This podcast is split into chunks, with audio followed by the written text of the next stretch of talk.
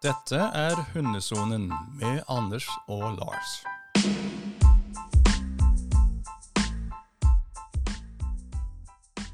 Velkommen. I studio er Anders og Lars og Sina som eh, vaser litt eh, rundt her, Anders. Ja, eh, hjertelig velkommen til lytterne våre. Og Sina hun eh, har lyst til å være med på podkast. Hun er sosial og utadvendt, og det er hyggelig å ha henne her, men eh, ja. Si litt, om oss, uh, headlines. Hva skal vi innom i dag? I dag skal vi innom tassalder på hund, hvorfor mislykkes apport. Eh, vi har trent nå mye apport med eh, flere hunder som, med, som vi kjenner. Og eh, rettssaken om hundeavl, det er jo kavaler King Charles og engelsk bulldog. Og så skal vi innom eh, å få en gjest, eh, og det er altså eh, Siri fra Norske Servicehunder. Og Norske Servicehunder Ja, Eller Hilde, som hun egentlig heter. Men du har helt rett, for vi var innom Siri før. Ja, det stemmer. ja, Det er ikke alltid lett å holde Ja. styr på alle. Men denne Ja. gangen er det altså Hilde. Hun sitter i styret for eh, Norske Servicehunder. Ja. Du, Vi skal gå rett på rettssaken som er avgjort i Høyesterett. eh, Og der var det vel um, Uh, Dyrebeskyttelsen Norge som uh, gikk til sak mot eh, to hunderaser. Eh, fordi de mente at selve avlen var i strid med dyrevelferdsloven. Eh, og det er da hunderasen Cavalier eh, som er den ene, King Charles Spaniel, og den andre engelske bulldog. Og hvordan gikk det i Høyesterett, Anders? Ja, det som er at det er veldig fint at nå er det avgjort. Nå har det gått til Høyesterett, så nå skal det ikke videre. Og Høyesterettsdommen slår fast at avl på hunderasen Cavalier King Charles Spaniel er i strid med dyrevelferdsloven, mens avl på engelsk bulldog er mulig under et bestemt program. Det som jeg syns er veldig fint med dette, er at hvis vi ser vekk fra de to rasene og at, eh, og debatten rundt det, så er det som er fint, at det danner en presedens. Det er sånn nå at forhåpentligvis så vil alle som driver avl på hund, eh, tenke seg litt mer om. Vi snakka om det på podkasten forrige gang òg, at eh, det er faktisk eh, blitt et større fokus på at eh, uetisk avl, det er, det, det er ikke bra, og eh, det er jo en Nei. sak på gang her i Agder òg. Sånn at uavhengig av hvilke raser det er, så er uetisk avl ikke bra. Og det avles mye, og det er mye penger i det. Og det skal ikke være kynisk, altså den industrien skal ikke være kynisk. Vi skal avle frisk, friske, sunne individer. Eh, ja, så Men, men jeg, jeg, jeg tror du er inne på noe viktig nå. For jeg vet det har vært problematisert at det er kun enkelte oppdretter som ikke får lov, og som er i Norsk Kennelklubb som ikke får lov til å avle. Jeg tror også at denne saken skaper presedens etter det som er dyre, altså som skaper et prinsipp da, eh, etter dyrevelferdsloven. Slik at jeg tenker at andre som uh, avler uetisk, som det blir sagt, det vil si altså dyr som har helsemessige problemer etter dyrevelferdsloven, så uh, tror jeg at uh, rettslig sett så kan man gå inn og gjøre noe der. Det er det jeg egentlig tror denne dommen eh, sier. Jeg tenker jo det at det er det aller viktigste. Det aller viktigste er dyrevelferden, og det er å eh, avle fram eh, sunne, friske individer. Så eh, jeg, jeg synes jo dette var veldig positivt, veldig fint, og veldig fint å få satt en sluttstrek. Vi får se. Eh, jeg tror siste ord juridisk er eh, sagt. Så får vi se hvordan eh, det blir framover. Som du sa, så er det jo også en sak på Sørlandet der eh, det skal være bortimot 60 hundeeiere som har anmeldt en eh, oppdretter etter samme paragrafen, dyrevelferdsloven. Og jeg lurer på om det var paragraf 25. Jeg må ta det litt på husken. Du, vi skal gå over til noe helt annet. trass eh, hos eh, hund. eh, det er det mange som opplever når de har kjøpt seg en valp. Hva er alder, Anders? Ja, det er sånn at hun gjennomgår ulike sånne modningsprosesser. Det er jo heller ikke noe sånn veldig forskjellig fra oss eh, mennesker. Vi kommer i tenårene, vi kommer i puberteten. Eh, Det gjør også hundene, og de kommer i sånne ulike modningsfaser, da. Vi kan si at eh, for oss mennesker, og spesielt oss menn, så fordi om vi er ferdig med selve pubertetsalderen, så er vi ikke ferdig utvikla og ferdig modna. Eh, Mange sier at vi menn ikke er egentlig helt ferdig utvikla før vi er kanskje 25 år. 30 år. Eh, Det kan jeg sikkert snakke for meg sjøl om, men det er nok om det. Men- det men samme det- skjer med hunden. Hun, ja. Det var det jeg skulle til å si. Ja. Det, det er litt individuelt òg, akkurat Ja, dette her. det er Men hva er det som, som kjennetegner trassalderen, for å si det sånn? Ja, Det ene er hormoner, det er helt klart. Og der ser en det både på tispene og på hannhundene. De skal, tispene skal gjennom en første løpetid, hannhundene begynner å snuse litt mer. Typisk når, eh, når tispene har løpetid, så ser vi at hundene klapper litt i tennene. Eh, det kommer litt sånn eh, De sniffer og snuser på det, blir mer opptatt av det. Og så er det det at de prøver å utfordre oss enkelt Det blir en atferdsendring, kan vi si, slå fast. Det det. Og det kan være utfordrende atferd, det kan være å ignorere deg, det kan være å ignorere deg på øvelser som dere absolutt kunne så utrolig godt, og det kan være testing av grenser.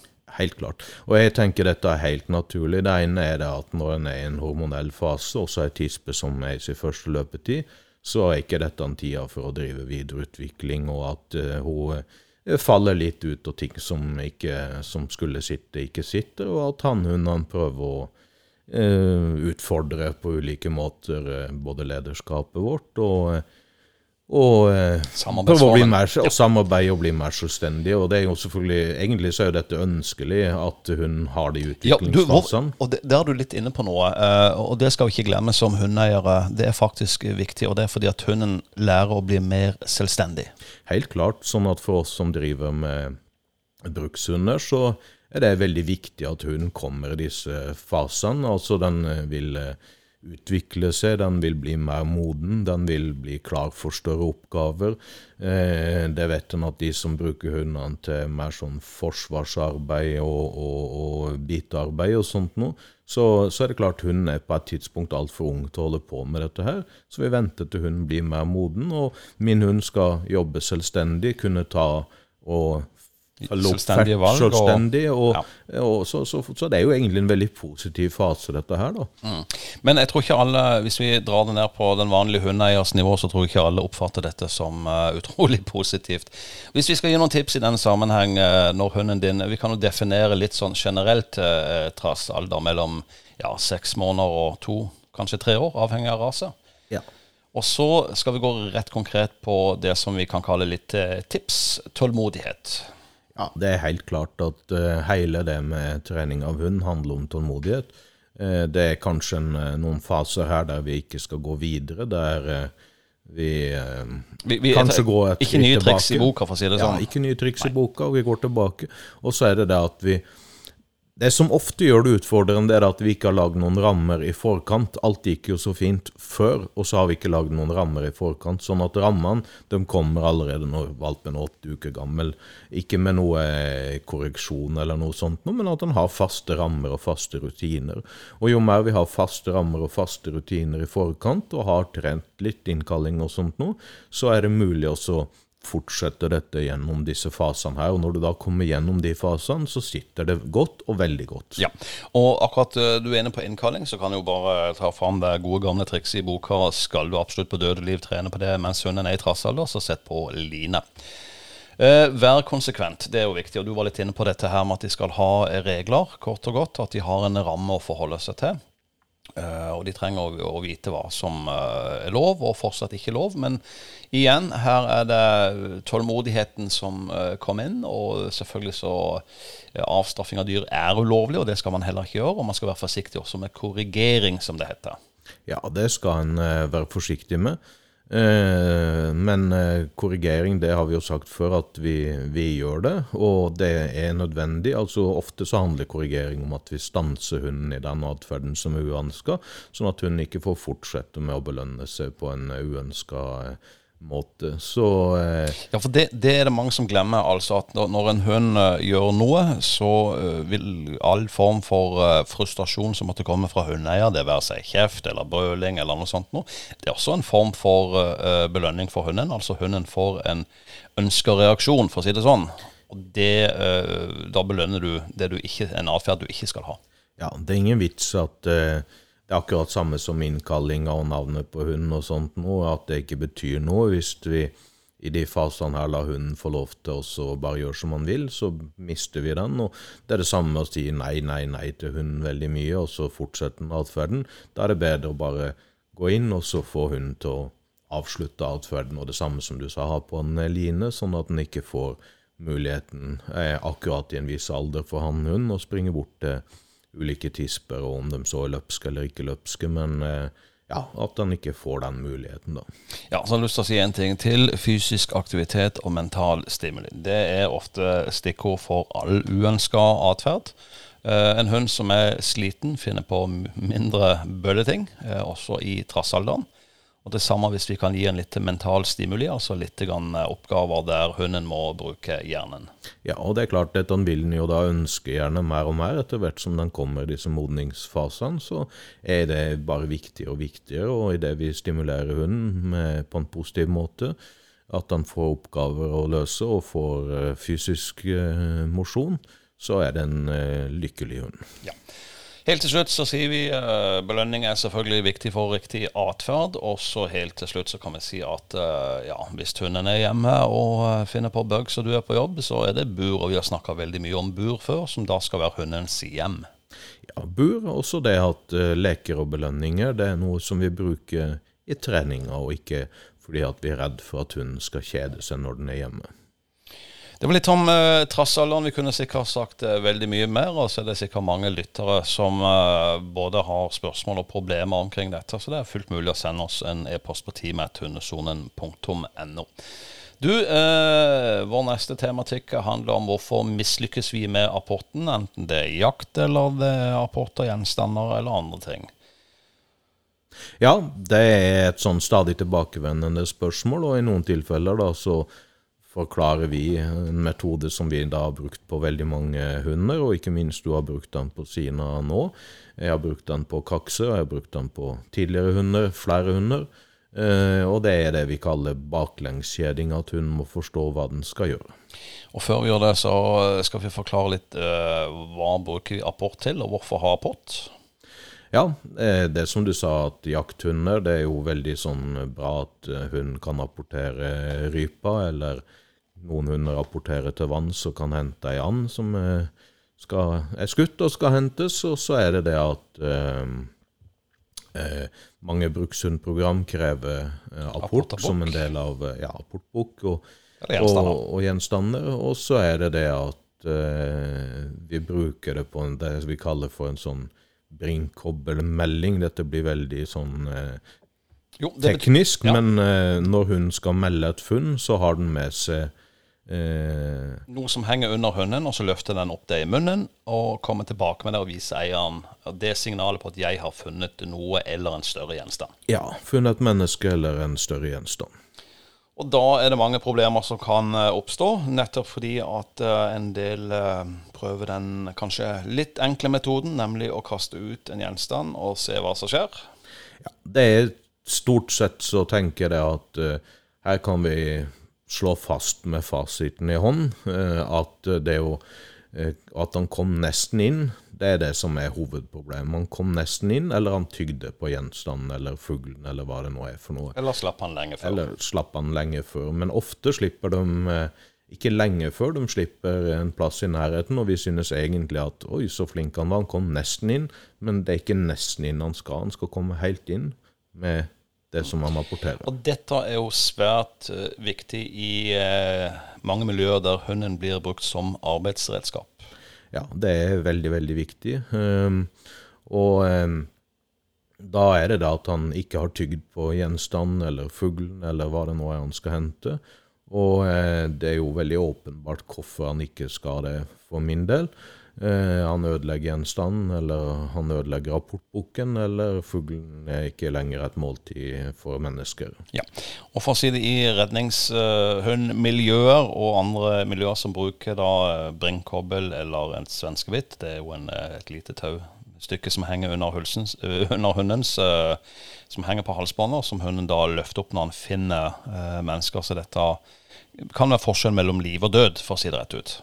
Ja, og det er jo akkurat der da når det er mørkt, og hvis hunden kommer inn og hadde det med nesten inn, så vet ikke vi om det, fordi at hun slapp det i mørket, og så eh, handler det om liv og død, rett og slett. Og disse problemene de oppstår uh, ofte fordi man trener feil. Og da var du inne på det i begynnelsen. Baklengskjeding.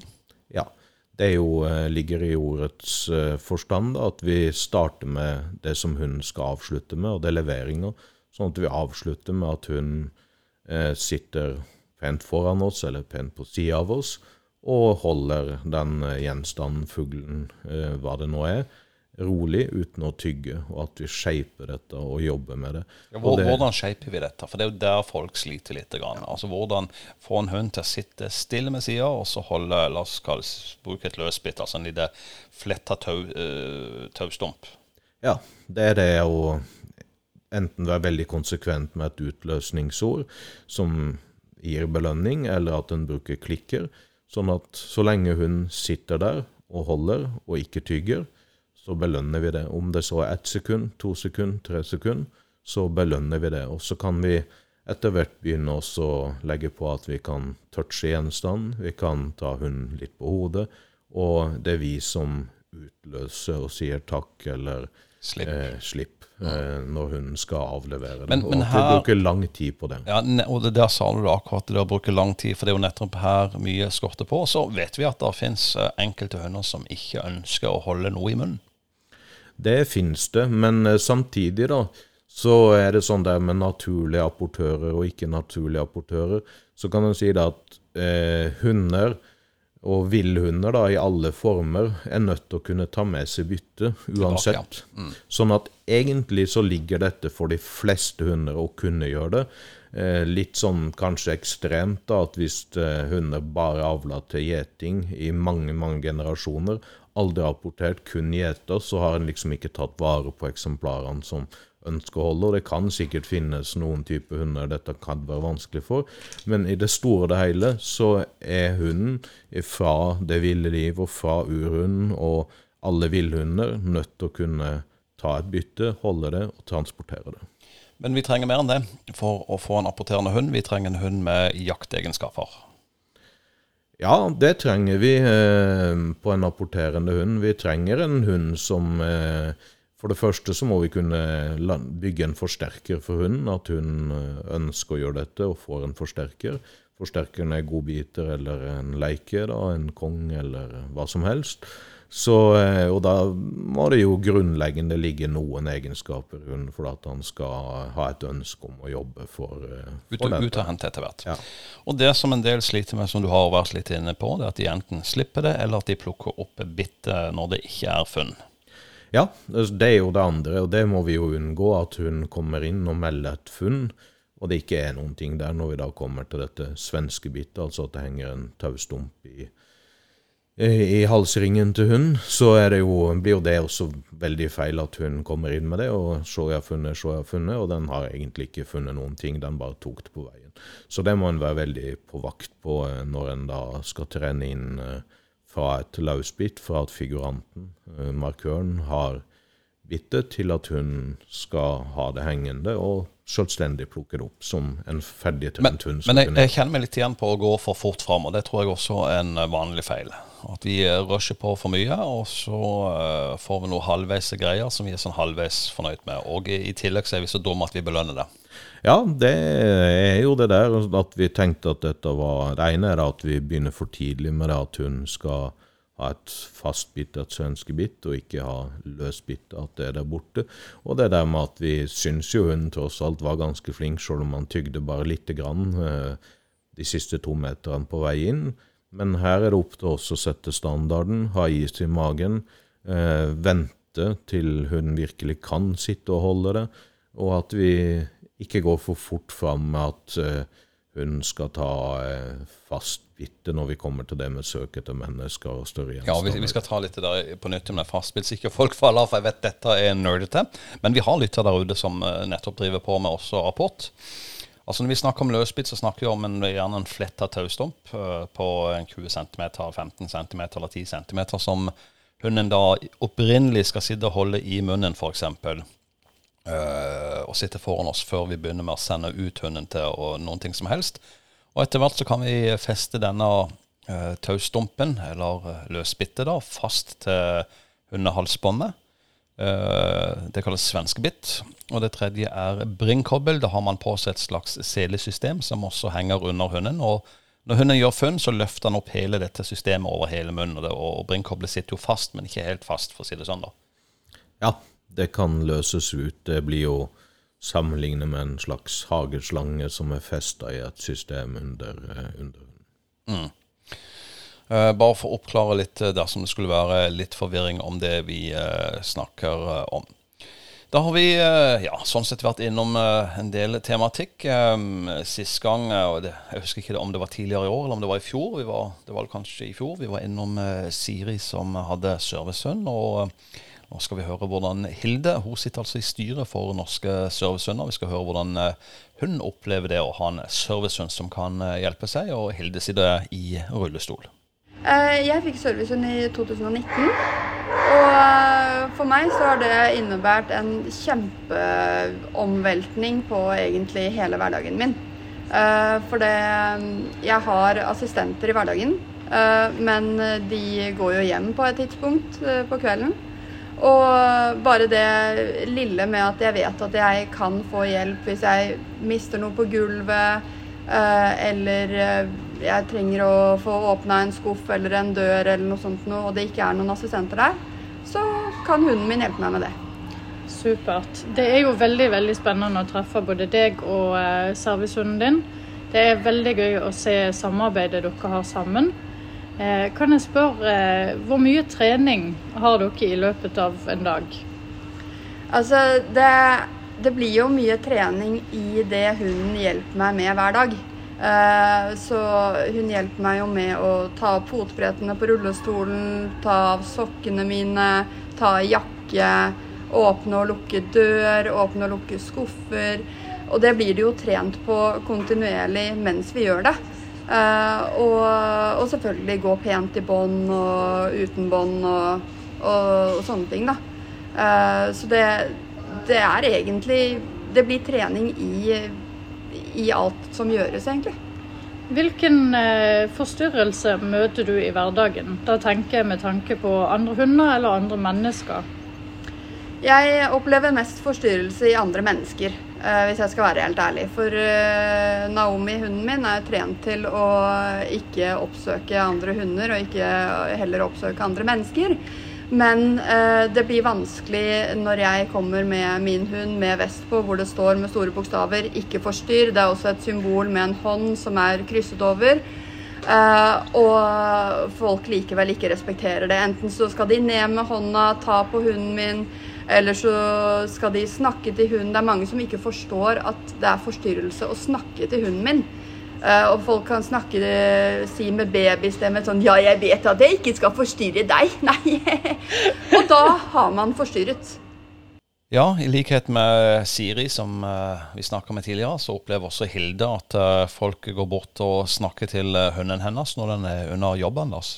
Ja, og dette er noe som både servicehunder og førerhunder, da, som skal hjelpe de som har synshemminger, eh, er i jobb, og så går folk bort og har rett og slett ikke respekt for, eh, for det at hun er i jobb, og det er svært uønska. Og det oppfordrer vi på det sterkeste til at vi selvfølgelig ikke lar hunden vår gå bort til en servicehund eller en førerhund når den er i jobb, for den har en kjempeviktig jobb å gjøre for de som har ulike funksjonshemminger. Og, eh, og jeg synes det er rart at folk ikke er viser den respekten. tror jeg. Jo, men jeg tror også det er uvitenhet. Idioti, som jeg kaller det. Ja, det må være uvitenhet, men da syns jeg det er veldig fint at vi kan eh, bidra til å opplyse om at det er sånn, og hvorfor det er sånn. Vi avslutter der. Jeg vil bare si det, Anders. Vi har nådd nok en liten milepæl med 60 000 nedlastninger, og det skal vi si oss fornøyd med. Det skal vi absolutt si oss fornøyd med, så det må vi takke lytterne våre for. Og Har dere lyst til noen, å høre om noen temaer vi skal ta opp, så send det gjerne til oss til teamkrøllalfa.hundesonen.no. Og med det så høres vi om eh, en eh, uke. Ha det bra så lenge, Anders. Ha det bra. Takk for nå. Du hører på Hundesonen, en podkast med Anders og Lars.